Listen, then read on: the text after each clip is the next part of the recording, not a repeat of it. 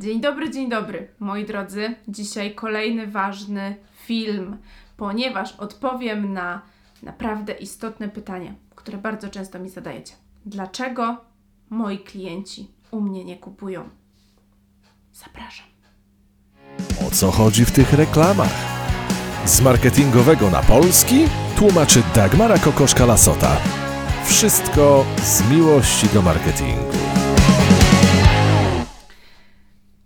Szczerze mogę powiedzieć, że to chyba będzie jeden z najważniejszych filmów, jakie nagram. Albo nagrałam, no w ogóle ze wszystkich, jakie kiedykolwiek w życiu zobaczycie. Jeśli kiedykolwiek się zastanawialiście nad tym, dlaczego wasi klienci nie chcą u was kupować, co jest nie tak, przygotowywaliście ten produkt, przygotowywaliście go, planowaliście wszystko, mnóstwo pracy, pieniędzy zostało włożone w to, żeby stworzyć ostateczne dzieło i nikt go nie chce kupować. Co poszło nie tak? Pierwsza i najważniejsza rzecz jest taka, czy my faktycznie wzbudziliśmy ich potrzebę. Czyli, czy zastanowiliśmy się nad tym, co ten produkt, który tworzymy, ma zmienić w życiu naszego potencjalnego klienta? Czy to jest stworzony produkt tylko dlatego, że ja tak chcę? Czy faktycznie wpływa w jakiś sposób na tego człowieka, który miałby stać się jego szczęśliwym posiadaczem?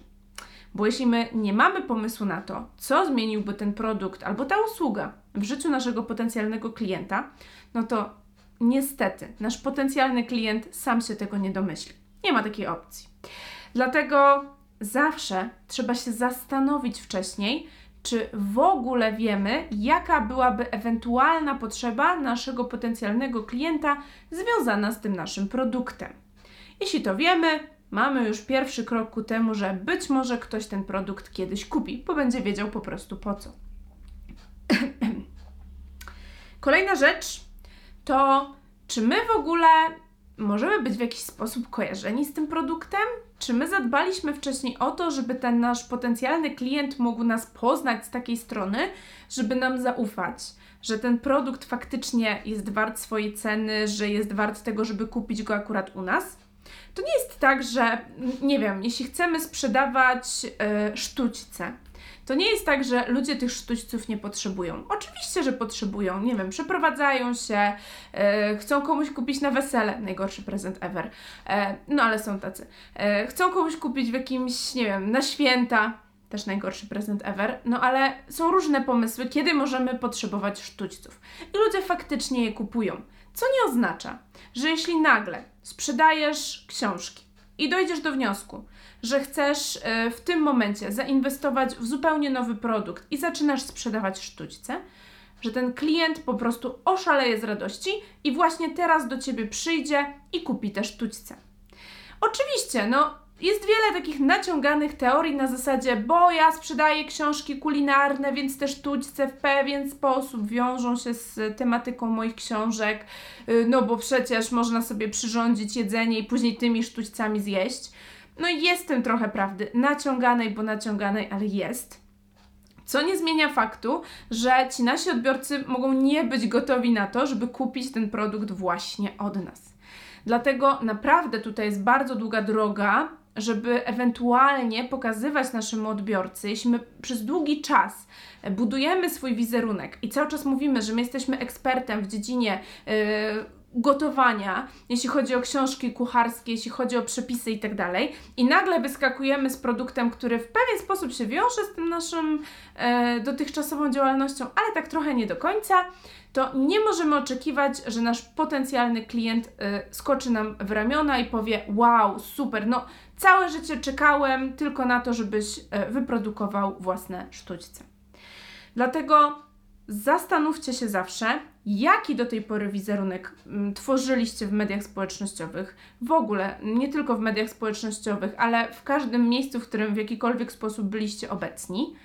E, I wtedy e, warto się zastanowić z kolejną rzeczą, co możemy zrobić, żeby ten wizerunek rozszerzyć, bo to nie jest rzecz niemożliwa. To nie jest tak, że jeśli my nagle postanawiamy faktycznie sprzedawać te sztućce, to znaczy, że ten odbiorca tego nie kupi kupi, tylko my musimy wtedy bardzo dobrze zaplanować strategię. Kolejny punkt. E, czy my w ogóle wzbudzamy zaufanie w naszym potencjalnym kliencie. Może być tak, że do tej pory wzbudzaliśmy zaufanie pod kątem darmowych treści. Czyli przez długi czas, nie wiem, publikowaliśmy na Instagramie, na Facebooku, na blogu, e, robiliśmy jakieś live, dzieliliśmy, dzieliliśmy się tą darmową wiedzą. No i tak cały czas ten e, nasz potencjalny odbiorca e, słuchał, oglądał, patrzył, co my mamy mu tak naprawdę do powiedzenia, ale nigdy nie przeszliśmy z nim tak jakby na ty, wiecie, czyli nie zburzyliśmy tej takiej ściany między nami na zasadzie darmowe treści, płatne treści.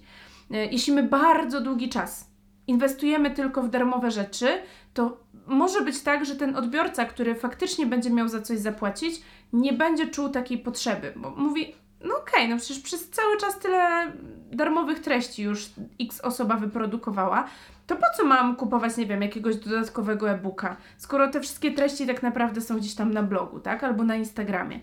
Więc zawsze warto sobie rozdzielić już e, tą działalność pomiędzy te rzeczy, które faktycznie chcemy dawać bezpłatnie, a te, które wiadomo, że są, nie wiem, rozszerzeniem tego, o czym mówimy, e, jakąś kwestią roz, takiego wersji premium, tego co mówimy bezpłatnie. E, I faktycznie możemy przygotować tego odbiorcę na to, że on może za te treści zapłacić albo za ten produkt. Więc y, to nie jest tak, że my zawsze robiąc coś za darmo, przez długi czas budujemy sobie to zaufanie i nagle ktoś widzi, że my y, wyskakujemy z czymś płatnym, to on po prostu biegnie i wow, wow, bo ja już chcę ten produkt kupić. No nie, bo właśnie często jest tak, że ten ktoś nam może ufać, jeśli chodzi o bezpłatne działania, a wcale nie może mieć takiej potrzeby, nie czuje takiej potrzeby, żeby nam za coś zapłacić. Więc tutaj też jest wtedy nasza rola, y, zaplanowanie całej strategii, co zrobić, żeby ten odbiorca był gotów na zapłacenie nam za coś. Więc e, to też nie jest tak, że to z dnia na dzień się zadzieje, że nagle robiliśmy przez 10 lat rzeczy bezpłatne i e, chcemy zrobić coś płatnego i, i to po prostu pstrykniemy i zadziała. Tylko warto to wtedy przemyśleć i przygotować, rozplanować z wyprzedzeniem. E, żeby nie było takiego szoku termicznego, wiecie, że my nagle wszystko za darmo, a tu nagle chcemy, żeby ktoś nam za coś zapłacił. Kolejna rzecz to czy my w ogóle budujemy y, taką potrzebę takiego zainteresowania tym produktem przed jego premierą. Ja widzę mnóstwo takich postów, e, stories i tak dalej, gdzie my mówimy: Wow, wow, robię jakiś super secret project, nie powiem czego to dotyczy, nie powiem wam, nie powiem wam, nie powiem, i tak przez pół roku, albo w ogóle po drodze temat y, ucichnie, i my nagle wychodzimy pewnego dnia i mówimy: Mamy, jest produkt, kup, Nikt nie wie w ogóle o co chodzi, po co, dlaczego. Yy, poza tym, że my wyłożyliśmy mnóstwo pieniędzy i czasu w przygotowanie danej rzeczy, to ten potencjalny odbiorca nie ma zielonego pojęcia w ogóle o co chodzi. On się po prostu czuje, jakby zobaczył kosmitę. Więc e, okej, okay, ja rozumiem, że nie wszystko powinniśmy mówić, że jest wiele rzeczy, które gdzieś tam warto ukryć i zrobić tą niespodziankę, ale jeśli my wcześniej nie powiemy o tym produkcie, to my nie możemy oczekiwać, że ten odbiorca od razu będzie zachwycony i kupi wszystko, co my mu będziemy chcieli sprzedać. I to jest bardzo ważna rzecz.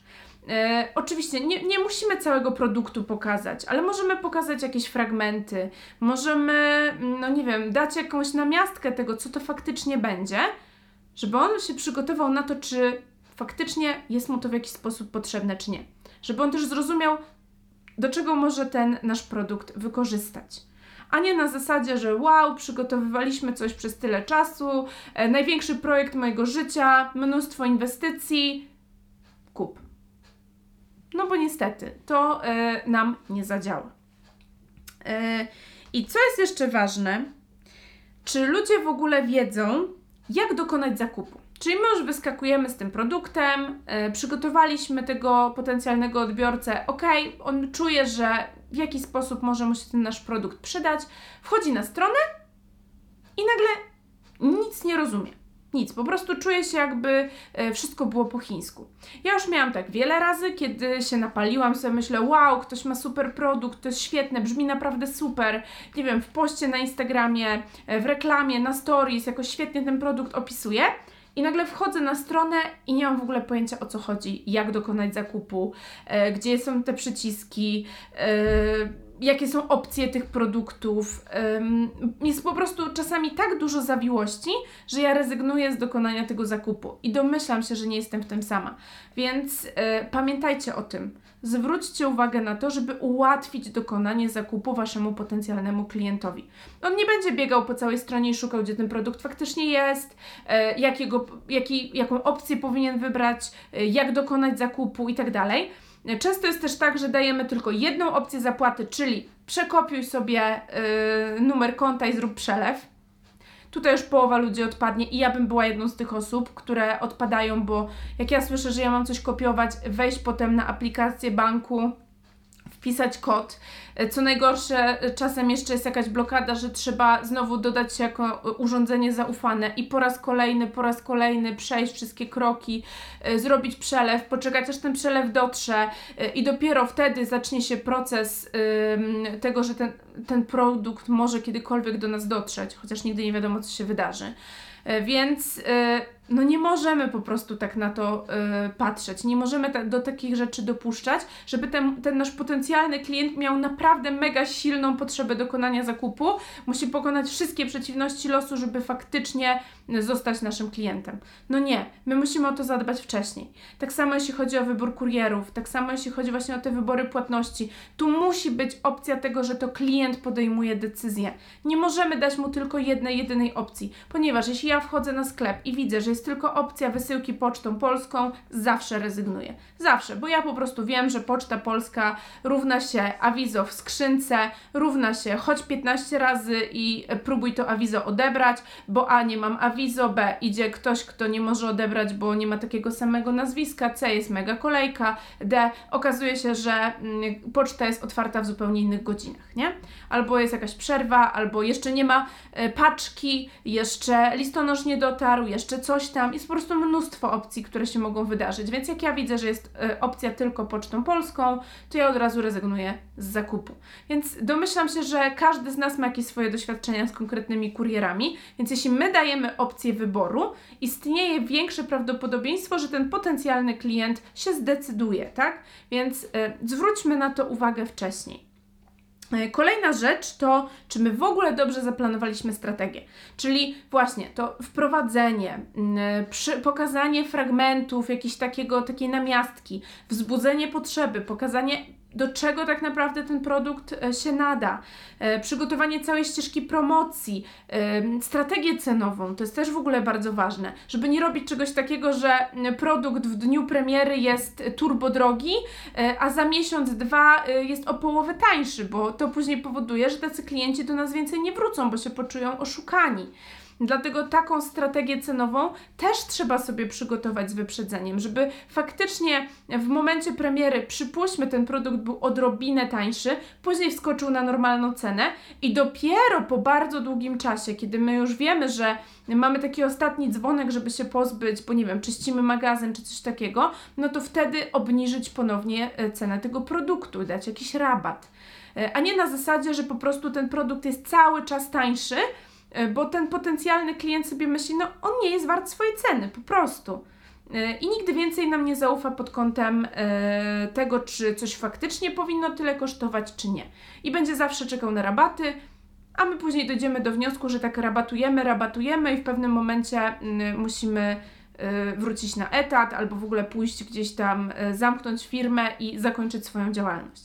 Więc zastanówmy się nad tym wcześniej E, moment przed wprowadzeniem produktu powinien być właśnie takim czasem, kiedy my planujemy to wszystko, wiemy jak chcemy to zareklamować, do kogo, e, po co, wzbudzamy potrzebę, wzbudzamy to zaufanie, zastanawiamy się właśnie nad y, przelewami, y, nad możliwościami płatności, nad kurierami, nad tym, kto nam te paczki wyśle, jak, jak to wszystko będzie wyglądało, kto będzie odpisywał na maile. Jest mnóstwo rzeczy, które powinniśmy zaplanować z wyprzedzeniem.